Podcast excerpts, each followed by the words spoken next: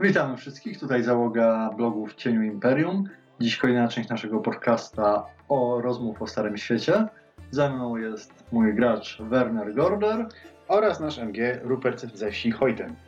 Tak, i w dzisiejszym odcinku planujemy wziąć na tapetę bardzo ważny temat całego uniwersum Warhammera, czyli kwestię magii. O tym skąd się bierze i co z tego wynika. Ważny, ale taki dość dziwny. Nienaturalny, tak powiem. E, No, nienaturalne to jest delikatnie powiedziane. Ja bym w ogóle zaczął może jednak nie od strony samego świata, tylko od strony skąd, jak magia się wzięła w Warhammerze RPG.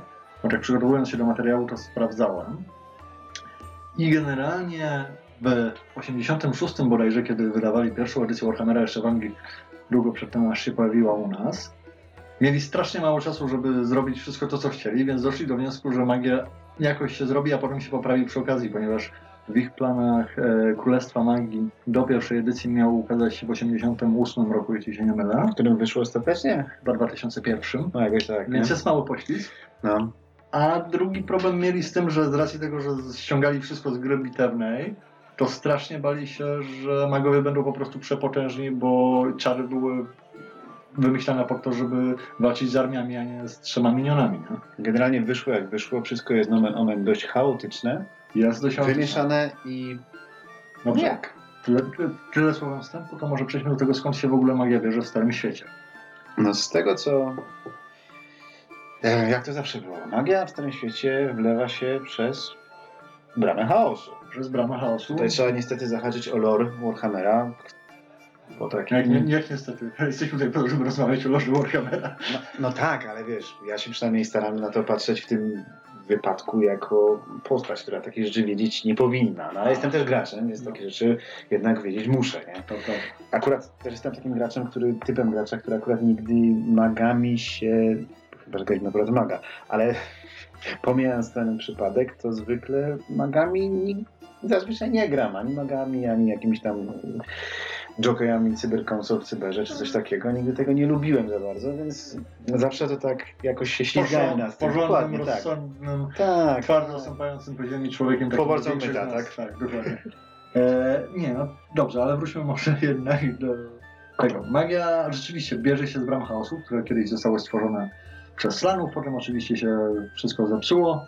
Magia tam wpływa nam przez e, te bramy i rozpływa się za pomocą, to się tak ładnie nazywa, wiatry magii. znaczy wpływa. No, Te bramy są zepsute i dlatego tak to działa.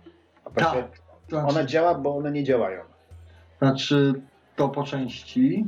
Znaczy, technicznie bramy slanów miały regulować dostęp magii, żeby mago, e, slanowie wciąż mogli e, z nich korzystać. A mówiąc slanowie, mam na myśli Old Ones, czyli przedwiecznych, a nie slanów tych niżej, którzy W sensie żabami. duże żaby. Tak, to ja mówię o tych większych żabach, o których nie wiemy, czy były żabami. E, tak, za to wykorzystywali sobie wrota, które znajdują się w świecie Warhammera na północnym i południowym biegunie do transportu, do różnych rzeczy, do rzeczy, o których e, w ogóle Tak. mało kto co wie. Waszym fizjonomom się nie śniło. Tak, potem się wszystko zesrało. Jak to w- jest napisane w historii, którą można znaleźć w Białej Wieży w Hołd na Utlanie. Tyle jeśli chodzi o trzymanie tego kanału Family Friendly. Tak, dokładnie. No. E, I efekt był taki, że magia wpływała cały czas do świata, ale nie miała gdzie uciec. Stąd były liczne wojny toczone w dużej mierze, chociaż nie tylko przez elfy, z demonami. To znaczy pierwsza wojna z chaosem, ta wielka, największa. Tak, tak, tak. Ta, na, długo przed Sigmarem. tak. Potem dopiero elfy, mm, te wysokie, na utlenie, leśnych zresztą wtedy nie było, w sumie mrocznych Mroczny też, też nie. e, stworzyły taki ładny wir magii, Zwany Vortexem. Tak, który wysysał całą magię z powrotem w immaterium i dzięki temu Stary Świat działał tak jak działa. To znaczy, że magia jest, ale trochę jakby nie, jej nie było, ale poczarować można. Znaczy, zanim z punktu A do punktu V, czyli do Vortexu maga dopłynie, można ją wykorzystać do czegoś, ale ona nie jest tak straszna, jak była wcześniej. Tak, znaczy nie, to jest chyba taka sama, tylko że jest jej dużo mniej z racji tego, że ma odpływ. Jest cały czas przepływanie, tylko się gromadzi. E, Druga kwestia, która zasługuje również na uwagę, jest taka, że to nie jest tak, że wymiar chaosu rozpościera się tylko poza bramami e, tych na biegunach, czy nawet za tym vortexem stworzonym przez elfy, ale na swój sposób jest również równoległy do świat, starego świata rzeczywistego. W tym sensie, że masz miejsca w samym świecie, c- często wspominane, gdzie ta brama między światami realnym tym światem magii, czy światem chaosu, czy materium, jest wyjątkowo Nawet- cienka. Nie brama, tylko właśnie Nie, nie, odległość między tak, odległość materią a inną materią. e, struna. Nie wiem. To, Tak, to, cokol- cokolwiek, co, ro- co, co to rozdziela, czym by nie było. Okej, ale to, to nie jest umbra jak e, w Magu na przykład, w, Nie. starej, w tym, w, w świecie mroku. Nie, to nie jest jak umbra, ale generalnie e, to jest tak, że o ile stary świat jest trójwymiarowy, tak jak i nasz, o tyle wymiar chaosu traktujemy jako kolejne wymiary, które nie są tylko poza konkretnymi drzwiami, ale w jakiś sposób są nałożone na tą naszą trójwymiarową rzeczywistość. Stąd, no właśnie to jest, zwykle jest wytłumaczenie dlatego, że macie, gdzie macie miejsca na przykład, gdzie e, nieumarli sami z siebie ożywają bez e, pomocy nekromantów, czy miejsca, w których e, na przykład magowie mają dużo większą moc takiego, a nie innego wiatru magii na przykład. Dodatkowo oczywiście sam wpływ Morslieba Tak. również e, może warunkować to, jak gruba jest ta zasłona czy przestrzeń między światami i sprawiać, że istoty z tamtych światów łatwiej mogą przenikać do naszego. A tego generalnie nie lubimy.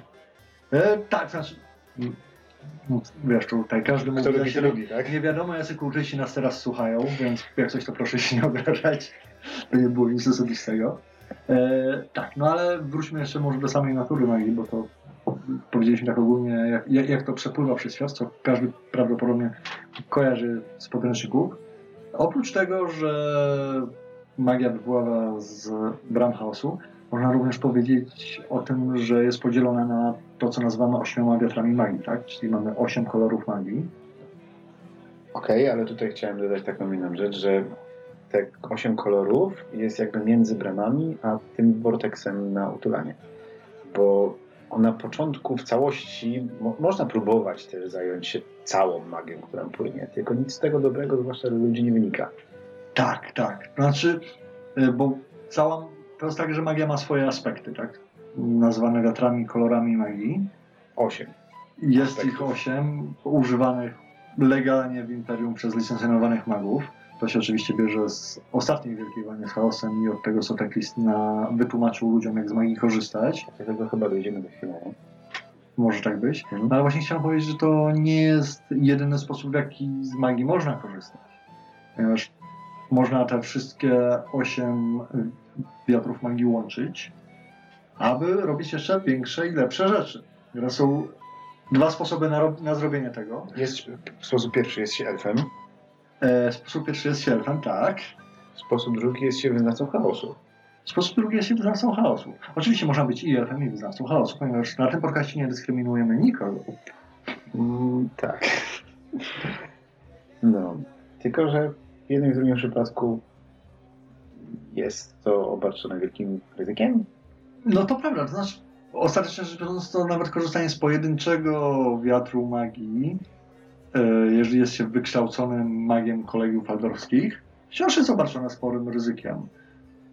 Ostatecznie rzecz biorąc, jak wszyscy zapewne wiedzą, jak nie wiedzą, to się dowiedzą, e, każdy użytkownik magii w świecie Warhammera, zwłaszcza się to ludzi, którzy na to relatywnie szybko reagują w porównaniu do właśnie takich elfów, e, upodabnia się do tego, co ten kolor przedstawia sobą. Tak? Wszyscy wiemy o piromancerach, tam maga ognia, którzy mają rude brody, cały czas wchodzą, e, jakby był poniedziałek rano i byli na srogim kacu i wszystko ich irytuje.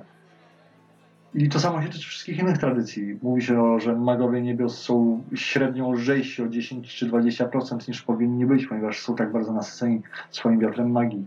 E, Alchemicy, którzy z czasem potrafią się zmieniać w niemal chodzące, a potem już nawet nie chodzące statuły z racji e, przywiązania do swojego wiatru magii.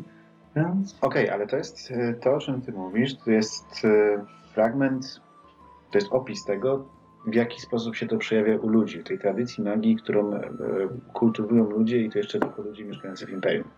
to prawda. Tak, bo tak naprawdę to od czasów, kiedy e, zapadły się bramy chaosu na biegunach, to ta magia w jakiś sposób wpływa na cały Stary Świat, nie tylko na Imperium, ale na wszystkie tereny e, znanego świata, Ulturanu, Lustri i tak dalej, i tak dalej, Sutherland, wszystko, wszystko jest. Wszędzie i każdy mają, każdy, wszyscy ludzie zamieszkający, i wszystkie istoty zamieszkujące te tereny mają jakąś swoją tradycję odnoszenia się do tej magii, bo w praktycznie każdym, e, każdym gatunku e, znajdują się co jakiś czas istoty, które są na tą magię wyczulone. Wy, wyczulone. Pomijając niziołki.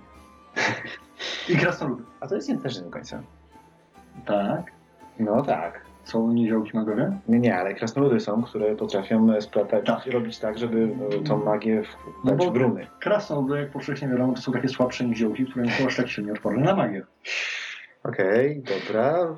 W sensie przypomnij mi, żebym jednak z tobą nie jechał w żadną przygodę do gór, gór końca świata. E, poza tym nie, są też magowie krasnoludzcy, ale to jest... No muszą być krasnoludami chaosu. Tak. No nieważne, o tym nie mówimy. To, To, no, to jest ten właśnie temat, o tak, powinniśmy chyba porozmawiać o ogólnych. Więc... Tak? No tak, no ogólnie, bo to, że mamy 8 tych wiatrów magii i tak to traktujemy my jako, e, jako e, drużyna i cały blok, który się Jako- trzyma koło, do, dookoła imperium. imperium, dokładnie, A. z, tego, z, z perspektywy imperium, to to jest jedna rzecz, co nie znaczy, że nie ma innych tradycji. Nie, Bo jak najbardziej są inne tradycje, inaczej to wygląda, można to traktować e, właśnie w inny sposób, nie posiłku, w innych miejscach świata ludzie nieszkoleni przez kolegia magii zupełnie tym nie tym posiłkują, nie o tym w ten sposób, sposób, jak dokładnie. Najbardziej. Więc może opowiedz o tych ośmiu kolorach, skąd się wzięło, dlaczego i dlaczego Imperium myśli w taki sposób i do czego tego to wykorzystuje. Dobrze, więc naprawdę wzięło się z tego, że jak wyszła trzecia edycja Warhammer Fantasy Battle, No i to to, to, nagle wprowadzili 8 szkół magii, bo ktoś doszedł do wniosku, że tak będzie fajnie. Dlatego jak ktoś z Was, nie wiem, po, przekartkuje podręczniki z pierwszej edycji Warhammera, tam szkoły magii są, są takie jak elementalista, czy na przykład iluzjonista. To w zależności, której edycji się trzymamy, zostało po części zaadaptowane, po części przerobione na tej zasadzie, że na przykład e, teraz szkoła iluzji to w dużej mierze jest e, kwestia szkoły cienia, magii cienia, szar, szarych strażników. E, Z kolei elementaliści tak naprawdę dali, byli źródłem tego, żeby stworzyć Hedge Witch, czyli nasze nie wiedźmy, ale no, takich druidów powiedzmy. Znaczy, ale ze szkół, czy E, W sensie nie, nie ze szkół, tylko ale dzikich? E, to będzie.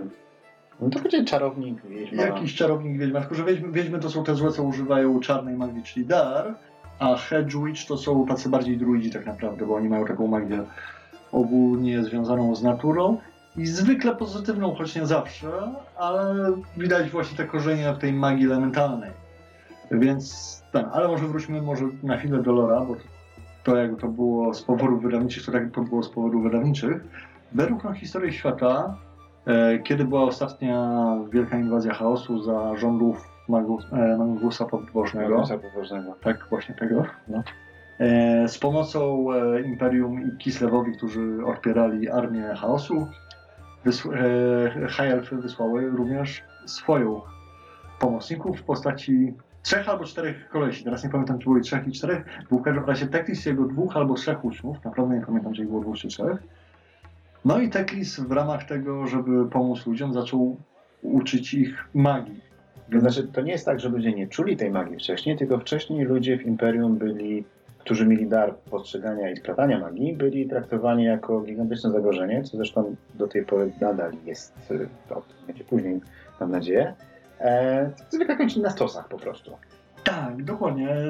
Zresztą jest fajna kwestia a propos tego opisana, e, ponieważ jak Teklis właśnie zebrał tych ludzi, którzy byli wrażliwi na magię, no to część z nich rzeczywiście coś z tą magią próbowała robić tam we własnym zakresie i to właśnie na zasadzie takich typowych wioskowych wiedźm mniej więcej. I Teklis ich wziął i podzielił w zależności od tego, który jakie miał e, bliższe wiatry magii sobie, to na odpowiednie szkoły, żeby się szkolili tylko w jednym wiatrze magii, żeby właśnie zmniejszyć ryzyko korupcji, żeby nie byli wiedźmami. Ponieważ e, umysł człowieka nie jest tak e, wartki jak um, Tak, umysł tak, tak, tak tak twierdzą. twierdził Teklis, tak, tak. dokładnie. Ciekawa sprawa była, ponieważ jeden z uczniów Teklisa powiedział Ej stary, ale przecież ci kolesie tutaj całkiem nieźle czarują i jakoś nie mają problemu z korupcją, a chodziło mu o ludzkich kapłanów, Mhm. ponieważ technicznie rzecz biorąc, to jest herezja, za którą każdy będzie chciał nas spalić, em, magia kapłańska jest jak najbardziej magiczna, jak najbardziej wychodzi z tych samych wrót chaosu i od tego samego chaosu, tylko od tej części, o której wierzymy, że jest dobra, a nie jest złym chaosem. No. Więc No. zachowała się notatka o tym, jak Teklic rzeczywiście chciał zacząć rozmowę, ale kapłani na niego spojrzeli, kiedy im mówił, że używają magii, to doszli do wniosku, że to nie jest warte. Dobrze jest jak działa i nie psujmy tego. Tak, no ostatecznie skończyło się na tym, że udało się namówić. E, najpierw był wydzielony oddział e, w Talepheim się spotkali i potem. A, bo Teklis roz, e, jak, dos, jak, dostał, jak dostał pozwolenie na to, żeby móc e, sformować taki oddział ludzi, którzy, którzy są wyczuleni na magię i mogą, e, i mogą w ten sposób zwalczać ogień ogniem, jak w wypadku inwazję chaosu, e, rozesłał takie magiczne wici do wszystkich ludzi wyczulonych na magię, że powinni, tak, że czuli wewnętrzną potrzebę pojawienia się w Talabheim. Ci, którzy przyszli, zostali podzieleni na tych, co się nadają i na tych, którzy niestety się nie nadają, mieli trochę pecha. Poszli na stos z zakładem. No, coś takiego, nie wiem dokładnie tego, to jakoś tak milczę na te kroniki. kroniki. Natomiast e, ci, którzy nie doszli, nie, nie posłuchali tego wyzwania, zostali potem zwalczani przez głosu czarownic jako po prostu czarownicy zagrożenia. E, generalnie na początku było to e, po prostu task force sformułowane przez Teklisa, ale później zostało to sformalizowane w formie właśnie kolegium magii, które zainstalowano w Waldorfie. E, tak, e, zresztą tak swoją drogą, ciekawa sprawa. Czytałam ostatnio jest taki wycinek flafowy o tym, po co mag- kolegia magii zostały powołane i do czego mają służyć, jakie są zobowiązania i kolegiów i, mag- e, i magów. Służyć wiernie imperium. Tak, ale jest tam dalej rozbudowane. Ciekawy fragment twierdzi, Mhm. że każdy ma- magister kolegiów magii powinien być traktowany tak jak każdy inny szlachcic. O, to ciekawe. Prawda? No proszę. Nie maturę, lecz chęć szczera, chęć szczera zrobić ciebie szlachcica, tak? No dokładnie, co, chociaż z drugiej strony jak miałbym być do wyboru jak traktowany jako zwykły szlachcic, a szlachcic, którego każdy uważa za czarownicę i chce spalić, to wolałbym to pierwsze. Prawda, ale z drugiej strony nie można tutaj odmówić e, pe... no, Przepraszam. Jeżeli masz takiego maga, który jest po kolegach magii w, w Aldorfie, a jest złe imperium sankcjonowane i ma na to papier. Tak. E, jest w każdej chwili może zostać powołany i właściwie powinien zostać powołany do imperialnego wojska, żeby służyć swoją, swoją wiedzą do tego, żeby móc zwalczać przeciwników imperium. To nie jest złe życie. No niby nie. Z drugiej wiesz, to zależy gdzie, gdzie zaczynasz to swoje życie. Mhm. Czytałem właśnie też że w ramach przygotowania, nie wiem czy to było w jakiejś polskiej edycji, ale po angielsku można znaleźć coś takiego jak e, The Magicker. I proszę co? Magicker. Magiker. Tak. Teraz kim jest ów nasz Magiker? Myślę, że by się tłumaczyło na, jakie, na jakąś formę czarownika. Jak wiedźmy może. E, Nie, nie, nie, tak jeszcze nie pojechali, ale to mógł być stary wpis. Się chodzi o to, że no skąd się biorą e, takie zwykłe wioskowe wiedźmy. No wiadomo, Tak jest, jest wioska, jest dziecko, które jest wyczulone na magię, to albo się ją oddaje wioskowej wiedźmie, albo wysyła gdzieś dalej, żeby sobie poszło, bo tylko pecha przynosi i daj, daj nam fajny spokój. Nie? Mhm. A teraz wyobraź sobie sytuację, że jesteś bogaty, No. hajsu masz pod sufit, nie przejmujesz się takimi rzeczami, no ale z jakiegoś powodu no, masz zmysł do tej magii. No i wiesz, to nie jest tak, że on, mam to sobie to ignoruje, to jest coś, co cały czas kręci, co zauważasz. W zależności od objawów, jakie to przyjmie, to to może być wiesz, traktowane jak poważna choroba psychiczna. Koniec No, w końców. sumie. W sumie widzisz rzeczy, których inni nie widzą. Tak, dokładnie. No i technicznie możesz iść do kolegiów magii w Waldorfie, żeby się szkolić. To prawda. Ale kolegia magii Waldorfie to jest takie skrzyżowanie e, pójścia do zakonu z pójściem na żołnierza zawodowego. Z, Wybierz najgorsze z obu światów. z opcją na to, że już nigdy więcej nie odezwiesz się do rodziny, Między innymi. bo ci, którzy się nie nadają, no znikają w niewieśniach. No właśnie, więc... Mają za słaby umysły. Tak, dokładnie. Pójście do kolegów magii, jak zaczynasz gdzieś na zabitej dechami wiosce, to może być miarę sensowny pomysł, ale yy, ślepy los dał ci w życiu wszystko, czego tylko możesz potrzebować, a do tego jeszcze dar do magii, no to zamiast iść do kolegów magii, robisz to, co robi każdy dostojny człowiek. Starasz się rozwiązać problem sam. A że masz pieniądze, czas, kupujesz grimoire, zatrudniasz nauczycieli i tak się szkolisz. Nie brzmi to jak dobry pomysł tak No naprawdę. nie brzmi to jak dobry pomysł, bo właśnie kończy się tym, że wiele z takich osób Mhm. no, kończy jako kultyści chaosu, co w zasadzie jest bardzo logicznym e, wytłumaczeniem, skąd oni w ogóle się biorą i dlaczego mają zawsze pieniądze, wpływy i inne takie rzeczy. Może nie zawsze, ale Tak. jak rzadko kiedy w uniwersum Warhammera wydaje mi się, że tutaj logika jest naprawdę za- zachowana. No, logika niby żelazna, ale Grimoire to trzeba będzie oddać. No właśnie. E, ale wracając może jeszcze do meritum, bo my o czym? E, o magach. O magach. O magach i magii. A, panie Magi. E, to co jeszcze możemy ciekawego powiedzieć na ten temat?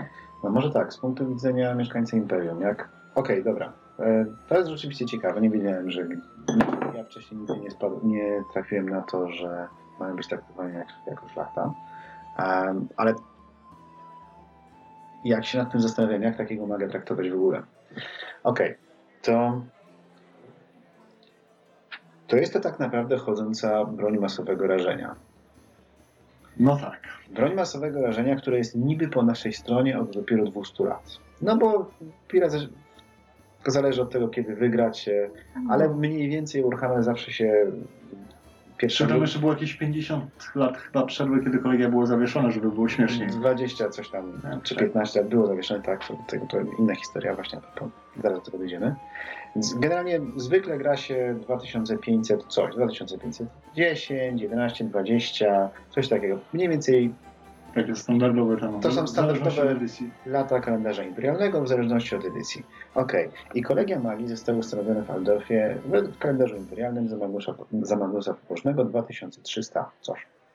Okej.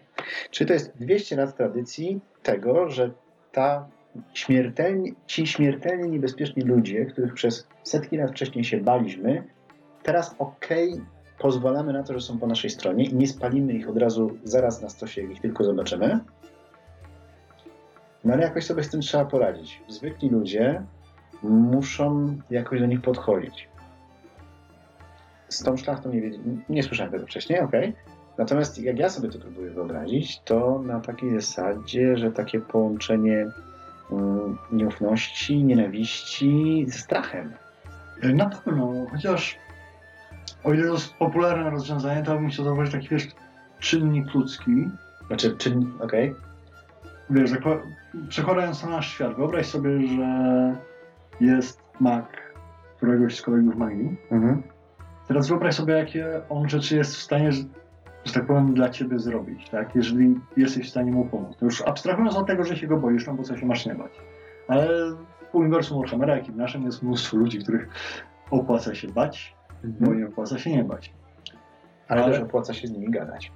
Tak, jak najbardziej. To znaczy już pomijając ich kwestie statusu i społecznego i tak dalej, bo jednak magowie, wiadomo, że na pierwszym poziomie profesji to jest ciężko, ale potem na swoje wychodzą, nie, ma, nie mają co narzekać. I to chyba nawet niezależnie od edycji. Ale wiesz, no wyobraź sobie, że przychodzi mag życia. Mhm. No w zasadzie jest w stanie rozwiązać większość twoich problemów, tak? W sensie twoich problemów, może niekoniecznie, ale nawet w dzisiejszych czasach, no masz raka, a tu przychodzi mag życia, no czego by nie chcieć. W uniwersum Warhammera, gdzie fakt faktem jest e, Sheila i jej kapłanki, ale bądźmy szczerzy, tych kapłanek, które rzeczywiście potrafią błogosławić czynić cuda, też jest niewiele. To prawda. Więc musiał, muszę przyznać, że jeżeli ktoś już ma w drużynie magę na takim wyższym poziomie, a, aż dziwne, że pod jego, że tak powiem, drzwiami nie ustawia się kolejka patentów, w sensie, panie dyrektorze, pan by pomógł, bo ja czwórkę oddam i pół, trzy morgi ziemi, tylko, no bo teściowa się uskarża, czy co wiesz, no, No okej, wiesz, nasz... w za- w zasięgu czaro- e, magów i czarodziei świata Warhammera wiesz, są rzeczy, które są poza zasięgiem wszystkich innych ludzi, koniec końców. To prawda, ale wiesz, w zasięgu wszystkich bohaterów graczy jest coś, co jest y, poza zasięgiem wszystkich, większości pozostałych postaci, którzy żyją w danym uniwersum, nie? Więc czy to jest czy jakikolwiek inny system. Tak, Bo, wiesz, te postacie charakteryzują się tym, że postacie graczy charakteryzują się tym, że postacie graczy coś robią i są aktywne w tym wszystkim. No i wiesz, to, że na przykład nasz drużynowy mag, y, nasze interakcje są inne niż powinno być zwykle, chociaż na początku, To jest jedna rzecz, ale na początku tak samo zawsze było takie jakieś, wiesz, dystans zachowany i tak, Tak, znaczy, no, wiesz, na odległość, dopóki się nie okazało, że to jest twój chłop, nie? tak, znaczy chociaż powiem szczerze, to też w dużej mierze wynika, wydaje mi się, z ogólnego kontekstu kulturalnego i sytuacyjnego. W sensie, wiesz, taki mag właśnie życia, czy bestii w Mhm. okolicach Talepheim, tam gdzie wiara w Tala jest e, żywa i dobrze się trzyma, no to z pewnością będzie relatywnie dobrze widziany przez większość ludzi, bo to jest człowiek, który jest jakby częścią tego ich świata, tak?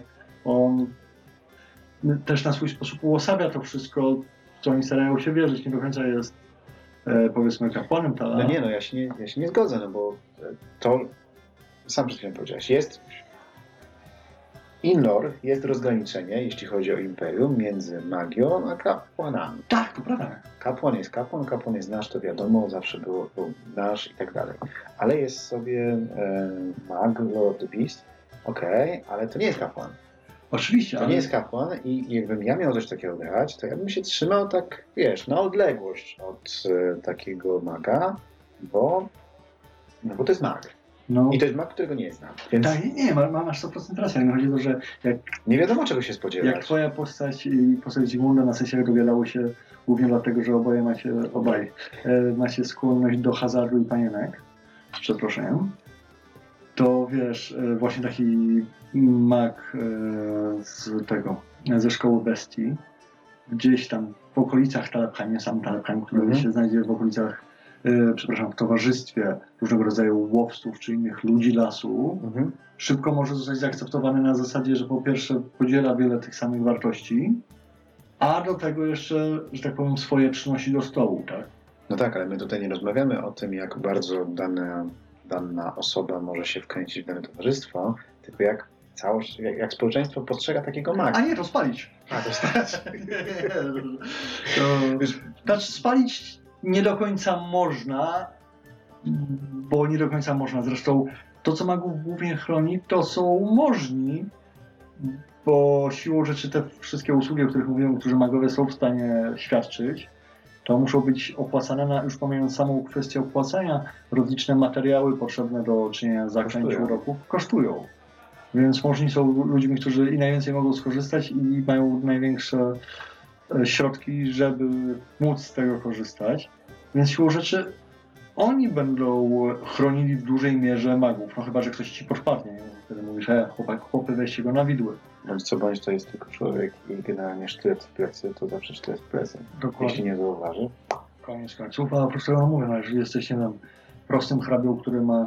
Jak Prostym hrabią. No to i wiesz, prostym, małym hrabią, który ma taką małą, zapiziałą Mhm. e, wieżę, przy niej małą wioskę, jeszcze cztery wioski dookoła i w zasadzie o, o, u was nie ma wiele pomijając las i zwierzę ludzi. Tak przychodzi mak, ty się nie pytasz, z której on jest szkoły, tylko mówisz, witaj, czy, Czy czegoś nie potrzebuje. czy, naj, czy najlepszy pokój, czy pan może zostanie na dłużej, tak? Mamy piękną okolicę. A jakby się jeszcze okazało, że potrafi zamieniać krowy w złoto. Ojejku, to jest, to jest w ogóle igiełka, to ten, e, no, można różnąć księżną i dać głowę, e, rękę smoka, On nie na odwrót. Jakoś, Jakoś tak. no właśnie. e, oj tak, no, więc og- ogólnie imperium, ale można jeszcze zerknąć na to, tak, tak. E, tak, ale wracając do tego, że magowie w Imperium są e, od tych 200 lat piratki e, akceptowani, natomiast e, pomimo tego, że ustanowiono kolegię magii, właśnie nie zawsze tak. Już po ustanowieniu kolegiów magii zdarzały się incydenty, w których magowie nie mieli tak dobrze. Na przykład bardzo znany incydent tej e, nocy tysiąca magicznych bitew, A, coś takiego, było coś takiego rzeczywiście. Tak, to się skończyło, skończyło tym, że w 1412, nie przepraszam, mój błąd, 2412. Trudno się przestawić z naszego kalendarza na kalendarz imperialny, więc w 2412 roku kalendarza imperialnego e, była, odbyła się w Aldorfie pewna bitwa pomiędzy jednym z magów, który chciał zostać e, najwyższym tam, E, chodzi ci o ten pojedynek magiczny, jak ustalają, kto jest patriarchą wszystkich Tak, tak, tak, tak, tak. Najwyższym patriarchą, Tak. tylko ten, już teraz nie pamiętam jak on się nazywał dokładnie, e, nielegalnie się, bus, znaczy no po prostu brał sterydy magiczne i za, przeczytał za dużo. I- Rozpętała się tak duża bitwa, że część Aldorfu została zniszczona i trzeba było, e, trzeba było interwencji wielkiego interwencji Sigmara, wojsk cesarskich i tak dalej, żeby to wszystko uspokoić. I skończyła się cała awantura tym, że na bodajże 15 lat y, rozpędzono kolegia magii na 8 stron świata chyba. No, 8 wiatrów. dokładnie. E, tak, znaczy siłą rzeczy życie magów w Imperium jest ciężkie, jak życie każdego w Imperium na swój sposób. Tak. E, Z tego, no wiem, z rzeczy, która mi się wydaje, że rzadko brana pod uwagę na sesjach tak naprawdę, czy w rozumieniu tego świata, bo wiesz, jak gracz chce zaczynać grać magiem, to ka każdy myśli o tym, ojejku, będę magiem, będę rzucał czary, jakie to jest fajne. Mhm.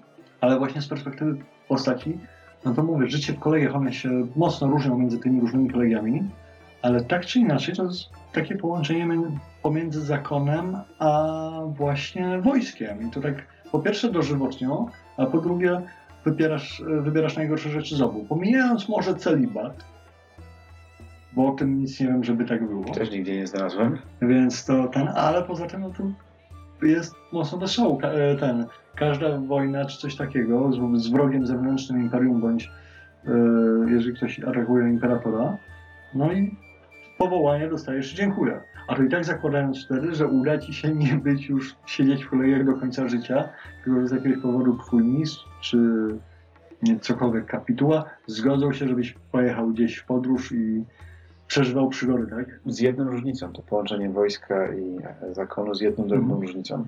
I w wojsku i w zakonie koszty zwykle takie rozciągnięte w czasie są niższe. W sensie po drodze zwykle się nie wariuje. Tak, to prawda. Chociaż No, jak to wygląda w cz- czwartej edycji teraz? e, w sensie wariowania E, w sensie kosztów rzucania, kosztów magii. kosztów magii. E, w czwart... Korzystasz magii, coś... e, tak, w czwartej edycji mamy w miarę standardowe e, manifestacje magiczne, czy jak tam wychodzi double, Mhm. dublet, o, to wtedy sobie rzucamy na tabelkę, mamy mniejszą tabelkę manifestacji, większą tabelkę manifestacji, w zależności od tego, co się stanie. No i rzeczy są takie klasyczne, od typowo niegroźnych, że ciśnie mleko w promieniu 100 metrów, do tego, że urywa ci e, głowę. E, z ciekawostek sprzedam wam a propos czwartej edy- edycji, bo myślę, że nie każdy wie. E, ostatnio wyszły podręczniki do nowej wersji kampanii Wróg Wewnętrzny. Mhm. I tam również jest taki dodatkowy podręcznik do każdego tomu kampanii. I w tym wprowadzają e, profesję czarnoksiężnika Cincha. Profesja czarnoksiężnika Cincha jest rozpisana tak jak wszystkie inne profesje na cztery levele, więc jakby ktoś sobie chciał pograć, to, to można. Igiełka, ale to musi jakoś kosztować. Tak, z, cieka- z, cieka- z ciekawostek jest jeszcze to, że e, ma o jedną charakterystykę więcej, Mhm. do wyboru, podstawową, ale już mniejsza o samej czwartej edycji. Fajna rzecz, która jest tam powiedziana, e, to jest o czary Cin- Cin- Cincha. To jest jako podane jako mechanika opcjonalna, więc że można, ale nie trzeba. A sprowadza się to do tego, że niektóre zaklęcia w umyśle maga, to nie jest tak, że po prostu się nauczyłeś formułki. No. One na swój sposób żyją. W sensie nauczysz się zaklęcia i to zaklęcie cię zmienia? Tak. Okej. I teraz magowie Cincha, jak właśnie rzuty nie pójdą po ich myśli, a pójdą po myśli Cincha, e, mechanika jest zastosowana taka, że tracisz rozwinięcia spoza swojej profesji. A potem tracisz talenty spoza swojej pro, profesji do czasu, aż nie stracisz wszystkich. Okej, a jeżeli zostaniesz z mechaniki, zostaną ci tylko rozwinięcia z twojej profesji i tylko talenty z twojej profesji. To wtedy tracisz inteligencję. Aha, okej. Więc to jest a propos kosztów, ale to też jest strasznie fajny pomysł na tej zasadzie, że każdy taki czarnoksiężnik Cincha, no powiedzmy u szczytu swojej potęgi, który już naprawdę przeszedł dużo szczebli, który ten, nieważne gdzie zaczynał, nieważne czy byłeś szlachcicem na dworze Waldorfie, czy wieśniakiem w Ostenmarku, Jest przepotężny, ale trochę szalony. już nam nie to chodzi. Są do siebie bardzo podobni, ponieważ wiesz, te umiejętno- punkty umiejętności i talenty, które tracisz z poprzednich karier, tak naprawdę obrazują to, że zapominasz kim byłeś, tak? Bo dla ciebie ważne jest tylko to, kim jesteś A teraz. to jest w ogóle motyw powtarzający się, jeśli chodzi o GW i chaos, bo e, za każdym razem, jak ktoś, jakaś postać próbuje iść w kierunku e, w kierunku bóstwowi chaosu i bycia czempionem danego tam boga chaosu i tak dalej, e, to im bardziej zdobywają e, błogosławieństwa swojego boga, czy tam wielu bogów, jak niektórzy to ta postać tym bardziej zapomina, kim była wcześniej. Tak, to znaczy, Im bardziej się wspinasz w tej hierarchii, tym mniej przestajesz być w ogóle człowiekiem, a tym bardziej idziesz w kierunku bycia no, nieśmiertelnym jakimś półdemonem, a nawet całym. nawet całym, całym. E, tak, znaczy to też można pociągnąć tak naprawdę pod zwykłych magów, zwykłych magów, e, kolegów, e, aldorskich, kolegów aldorskich, ponieważ no, na wystarczająco wysokim poziomie, czyli w odpowiednich latach prak, e, praktyki tego spędzenia czasu z tą magią, z tym twoim wiatrem magii, no to ci wszyscy magowie stają się podobni, tak oni zbliżają się coraz bardziej do ideału swojego wiatru magii. Czy co, jak ognia cały czas, piromancer cały czas się wkurza i Tak, no jeżeli ktoś ci mówi, że jest piromancerem, ale nie jest rudy i wy, wyraźnie zdenerwowany, to prawdopodobnie jest kiepskim piromancerem. tak? kłamie. Dokładnie, tak, tak też może być. E, więc to się ten, e, w ten sposób obiega. E, z drugiej strony fajna kwestia jest też taka, a, powiem jeszcze o jednej rzeczy, którą, takiej ciekawostce, którą wyczytałem. A A? propos właśnie jak się była wprowadzona magia, e, to już nawet e, właśnie do Warhammera, e, zarówno fantazy Battle, jak i do wersji RPG. W pierwszych edycjach Warhammera bitewnego, kiedy jeszcze nie było kolegów magii, Mhm. mówi się o magach, że większość z nich należy do czegoś, co można rozumieć jako zakony. Tam była duża dawka takiego mistycyzmu tak naprawdę pod tą magię podciągniętego, która Okej. po drodze już tam wyleciała z większości e, tradycji, chociaż wciąż się trzyma z tą tradycją chórzystów, bo oni dalej mają chórzystów, Co jest to? tych od Hyszu światło. No, Tak, więc oni, o, oni jakby dalej utrzymują taką, to też jak najbardziej e, kolegium magii, ale powiem tak, mają takie flaworki i wizualizacje jakby byli trochę zakonem religijnym, tak koniec końców, no bo mają te chóry, gdzie oni śpiewają, oni zresztą sami jak rzucają czary, nawet w czwartej edycji to po prostu śpiewają te czary. tak? Tak, Okej. i mają bo, bo, bo, bonusy na przykład właśnie dzięki talentowi Perfect Pitch. E, zresztą w tym e, w Królestwach Magii przecież w drugiej edycji jest świetny dodatek, e, który pozwala nam na to, że jak magom coś nie wyjdzie, to potem rzucają sobie na tabelkę, która sprawia jak się przybliżają do swojego wiatru magii. No. Czyli, że właśnie e, alchemikom skóra staje się złota, albo zaczynają wolniej mówić, albo ręka im się obraca w złoto, czy coś takiego. Co my, my stosujemy na naszych sesjach tak naprawdę na podstawie e, panowskiej przeróbki. Ktoś to przyciągnął na zasady czwartej edycji i działa bardzo fajnie. Okej. No, jedna rzecz jeszcze, której chciałem powiedzieć, o której wydaje mi się, że nie zaznaczyliśmy dla ludzi, którzy trochę słabiej znają uniwersum, a to jest bardzo ważna różnica, jak się spojrzy na świat Warhammera, a na wszystkie inne tak naprawdę światy fantazy, a przynajmniej większość z nich, że podstawowy mag właśnie z kolegów Imperium, taki jak jest zwykle w podręczniku rozpisana profesja podstawowa, Aha. to jest mag, który ma służyć na polu bitwy, Tak, To jest- bojowy. ma- mag bojowy. To nie są takie kucherka zasuszone, jak pamiętamy, nie wiem, jak się grało w Baldur's Gate, że ma kij albo strzałki do rzucania, cztery punkty życia i stara się, żeby go nikt nie zabił. Tylko oni służą do tego, żeby walczyć. Oni, jak mało która profesja, tak naprawdę pomijając profesje czysto takie wojownicze, w czwartej edycji mag ma dwie umiejętności walki bronią. Tak? Tak, ma e, polarmy, czyli żeby wa- walić pałą za przeproszeniem. No i ma standardową umiejętność do walki. Mini basic?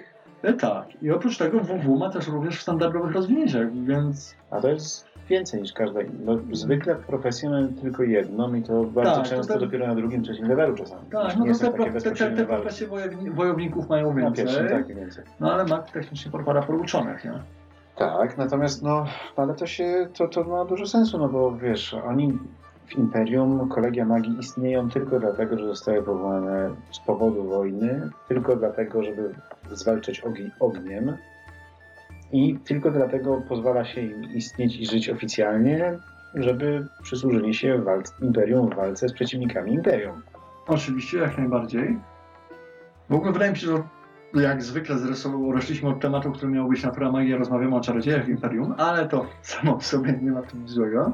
Chociaż chciałem teraz też spojrzeć, bo Warhammer ma też taką tradycję. Mhm. A propos właśnie magii poza Imperium, nie chodzi mi tu ani o chaos, ani o wysokie czy leśne elfy, czy nawet mroczne. Mianowicie? No na przykład y, lodowe wiedźmy z Kislewu. O tak. tak, jest, jest poza, poza kolegiami bezapelacyjnie i zaprzeczalnie. No i istnieją sobie, żyją. Tak, tak samo mamy magików z Arabii, którzy potrafią rozkazywać dżinom, mm, jak to się ma do całej reszty Warhammera. No chciałbym powiedzieć, że jest e, cała tradycja tych e, panien, e, tych wiesz, dziewic w Bretonii, ale to jest zupełnie inna historia, ale też się łączy z magią.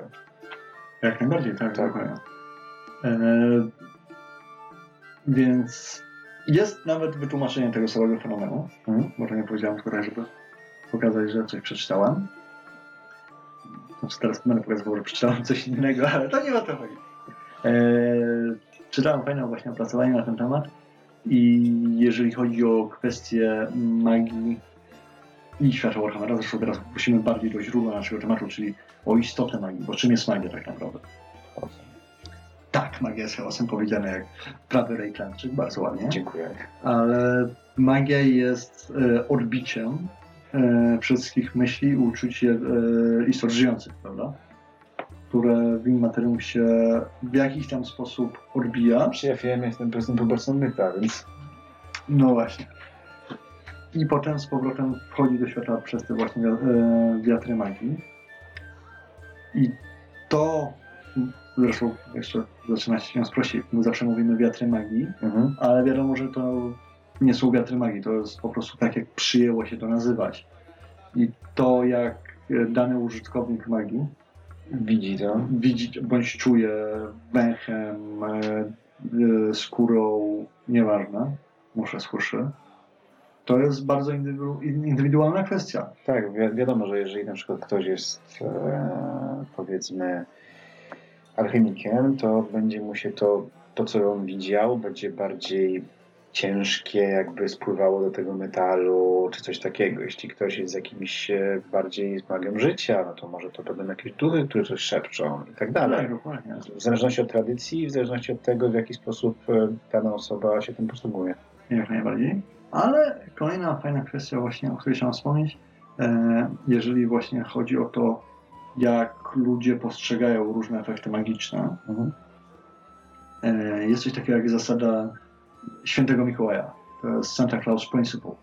Okej. I sprowadza się to do tego, że jakbyś wziął setkę dzieci, Aha. kazał im narysować świętego Mikołaja, no to każde by narysowało coś tam jak czerwonego, grubego kolesia z brodą. Przypominające reklamę pewnej gazowanego. No. Dokładnie.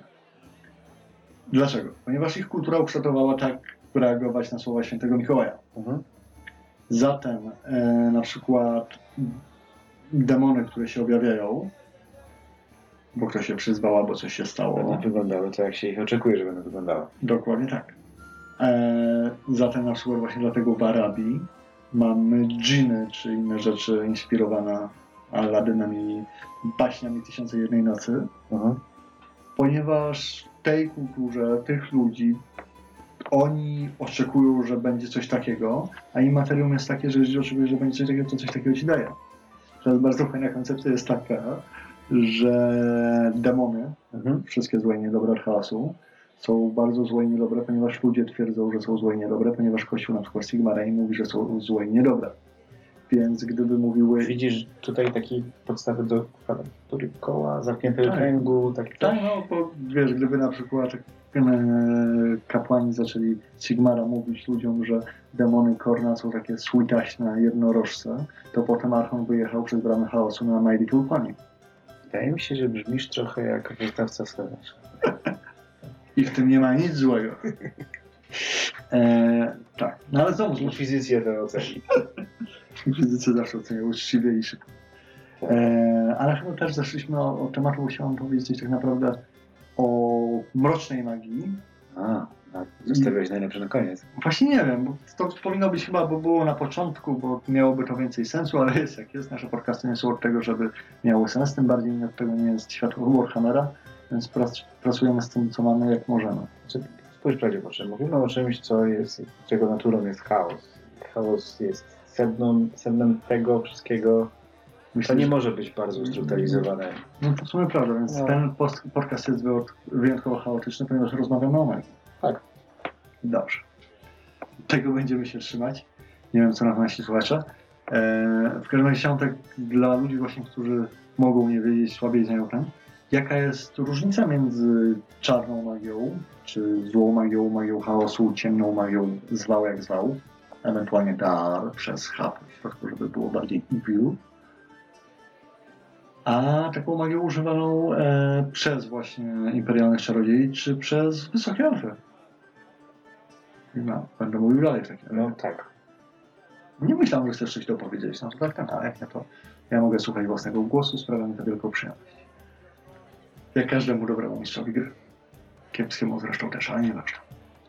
E, zatem e, jak mówimy o tych wiatrach magii, to nie jest do końca tak, że Teklis sobie po prostu wymyślił podział na te osiem. One rzeczywiście występują w jakiś sposób podzielone na te osiem osobnych Z jakiegoś powodu. źródeł magii, których, z których każdy reaguje inaczej. Z jakiegoś powodu Gwiazda Chaosu tylko tak wygląda. Tak, zresztą jak, ale to mogę ci nawet podać powód, jak chcesz. Ale to będzie już kolejne schodzenie z tematu. Dobra, to skończymy. Dobrze, proszę mi potem przypomnieć. E, więc tak, e, jak weźmiemy nawet pod uwagę heretyckie źródła, jakim jest Age of Sigma i Mhm. Final End Times, to tam poszczególni wielcy bohaterowie jak Karl Franz czy Taklis, czy ktoś tam jeszcze był. Tak, wiatry magii były Tak, oni, przypisane. oni, oni stają się uosobieniami tych wiatrów magii, więc to nie jest tak, że Teklis, bo wiadomo, że narracja świata jest taka, zwłaszcza wśród niektórych magów, że Teklis jak kazał podzielić magię na osiem kolegów i żeby ludzie się uczyli jednego, to że tak e, naprawdę elfy chciały oszukać ludzi i trzymać ich pod butem, żeby nie dać im prawdziwej władzy i prawdziwej wiedzy. To polega na tym, że dwa. Jeżeli rozpisać to na 8, to dwa na przeciwległych, te, które są naprzeciw siebie, się trochę odpychają. Jest tym problem, żeby to połączyć. No trochę tak, trochę nie, to nie do końca wygląda jak w Meczyku. Ale, tak, tak, tak. ale tak, to znaczy nie, nie, twierdzę, że nie masz racji. No, więc chodzi mi o to, że Teklis rzeczywiście mówię, to nie wziął tego znikąd. Tak naprawdę to jest osiem różnych właśnie wiatrów, stref, sfer nieważne jak chcecie to nazywać, które mają inne właściwości, inne dają możliwości, inne, efekty można za pośrednictwem ich e, uzyskać. I różnica właśnie między magiem kolegów a jakimkolwiek chaotyckim magiem jest takim czy czarownicą, że o ile mag rzeczywiście stara się destylować tylko ten jeden czysty swój wiatr magii za pośrednictwem tego osiągać takie nie inne efekty Mhm. i wtedy jest to wciąż niebezpieczne, bo magia w Warhammerze zawsze jest niebezpie- niebezpieczna, ale jest dużo mniej niebezpieczna niż dla ludzi, którzy właśnie jak wszystkie wiedźmy, czarnoksiężnicy czy ninja, biorą po prostu każdą magię, która jest w okolicy, nie przejmują się kolorami i rzucają. I wtedy dużo łatwiej im o spektakula- spektakularne efekty, A tę spektakular- spektakularną wtopę. Również tak. No i do tego mamy jeszcze oczywiście wysoką magię e, elfów, która również splata wszystkie osiem kolorów. Znaczy nie musi być zawsze osiem, ale może. A nie wiadomo, robi to lepiej. Oczywiście, jak, jak to elfy mają w zwyczaju, robi to wszystko lepiej, ponieważ łączy s- e, wszystkie te kolory w sposób klarowny, które tworzą jedną kompozycję. Harmonijny. Oj tak, jest Tak. dużo harmonii, jest, jest, jest w ogóle super. Elfy generalnie mówią, że jak ma, magia to tylko high magic. I nic innego nie polecają. A szkoda, że raczej nikt tego nie zobaczy. A nie, kto, kto wie, kto wie, nie tak, wiesz, ty może nie, ale twoja postać. Tak, a może Zygmunt. Dobrze, więc co, czy, czyżby to było tak ten moment, gdzie powoli zamykamy temat, czy ma, mamy jeszcze coś do, do dodania, albo do podsumowania może bardziej? Znaczy pomału myślę, że tak. No, przede wszystkim no, najważniejsza rzecz, to nie należy tego magia, nie róbcie tego w domu. Nie róbcie tego w swoim domu. O, chyba, że tak. Idźcie do znajomego kultysty Flenasza albo kultysty. Jeszcze lepiej. Co? Nie, ja myślę, że i tak wystarczająco dzisiaj pogrądziłem na tej magii. Więc nie, nie wiem, czy mam coś e, takiego jeszcze za, zamykającego temat. Pomijając to, że chyba musimy do tego tematu tak czy inaczej wrócić, bo e, o naturze magii to zrobiliśmy Pirat Żywiciel coś podręcznika, dużo było o czarodziejach w Imperium i innych takich rzeczy. No, generalnie to jest bardzo szeroki temat. To jest bardzo szeroki temat, z pewnością będziemy do niego wracać. A póki co na pewno chcielibyśmy podziękować wszystkim, bo nasz wspaniały, cudowny podcast spotkał się z zaskakująco dobrym, dobrym waszym przyjęciem. Także bardzo się cieszymy z tego powodu. Jakby co dawajcie znać, e, co, o czym jeszcze chcielibyście usłyszeć. Dokładnie. Subskrybujcie, podeślijcie znajomym. tak, już mamy dwa, dwie, dwa fajne pomysły, które naprawdę chcemy zrealizować. Są na naszej liście, tylko nasza lista jak wszystko jest chaotyczna. I zrobiła się bardzo długa przez ostatnie dwa tygodnie. Dokładnie, ale ktoś, ktoś nam podrzucił pomysł o Firmirach i o Mangusie Pobożnym. Magnusie. Właśnie o nim. Nie, nie wiem czemu. Ale ja mam Chaos, chaos, chaos. chaos, chaos. Tak, wpłynął na twoje Mam dzisiaj za dużo albo za mało spaczenia. Tak. E, więc to, to, to są dwa pomysły, żeby naprawdę zrealizować, bo są fajne, więc czekamy też na inne Wasze pomysły. E, przy okazji chcemy podziękować i pozdrowić kanał Rzucaj Nie Gadaj. Oni też robią podcasty. Także E, sprawdźcie ich, będą w... Będą gdzieś w w opisie. opisie albo coś takiego. Odezwali się do nas w ogóle nawet. Może coś kiedyś nagramy razem. Fajni ludzie. Znaczy, w sumie nie jestem pewien, czy fajni, bo ich nie poznaliśmy. Nie jestem pewien, czy ludzie. Nie jestem pewien, nie, nie jestem pewien czy ludzie, ponieważ z jednym tylko rozmawiałem przez Facebooka, więc powiedzmy tak, polecamy ich, sami ocencie, czy są, ludzie, czy są ludźmi, czy są fajni. W każdym razie robią podcasty o RPGach, więc można zaryzykować. Dobra, chyba starczy tego naszego wiązania na dzisiaj. Dzięki, do Wielkie dzięki i do usłyszenia następnym razem. Tak, chwała Sigmarowi i nas to z czarodziejami.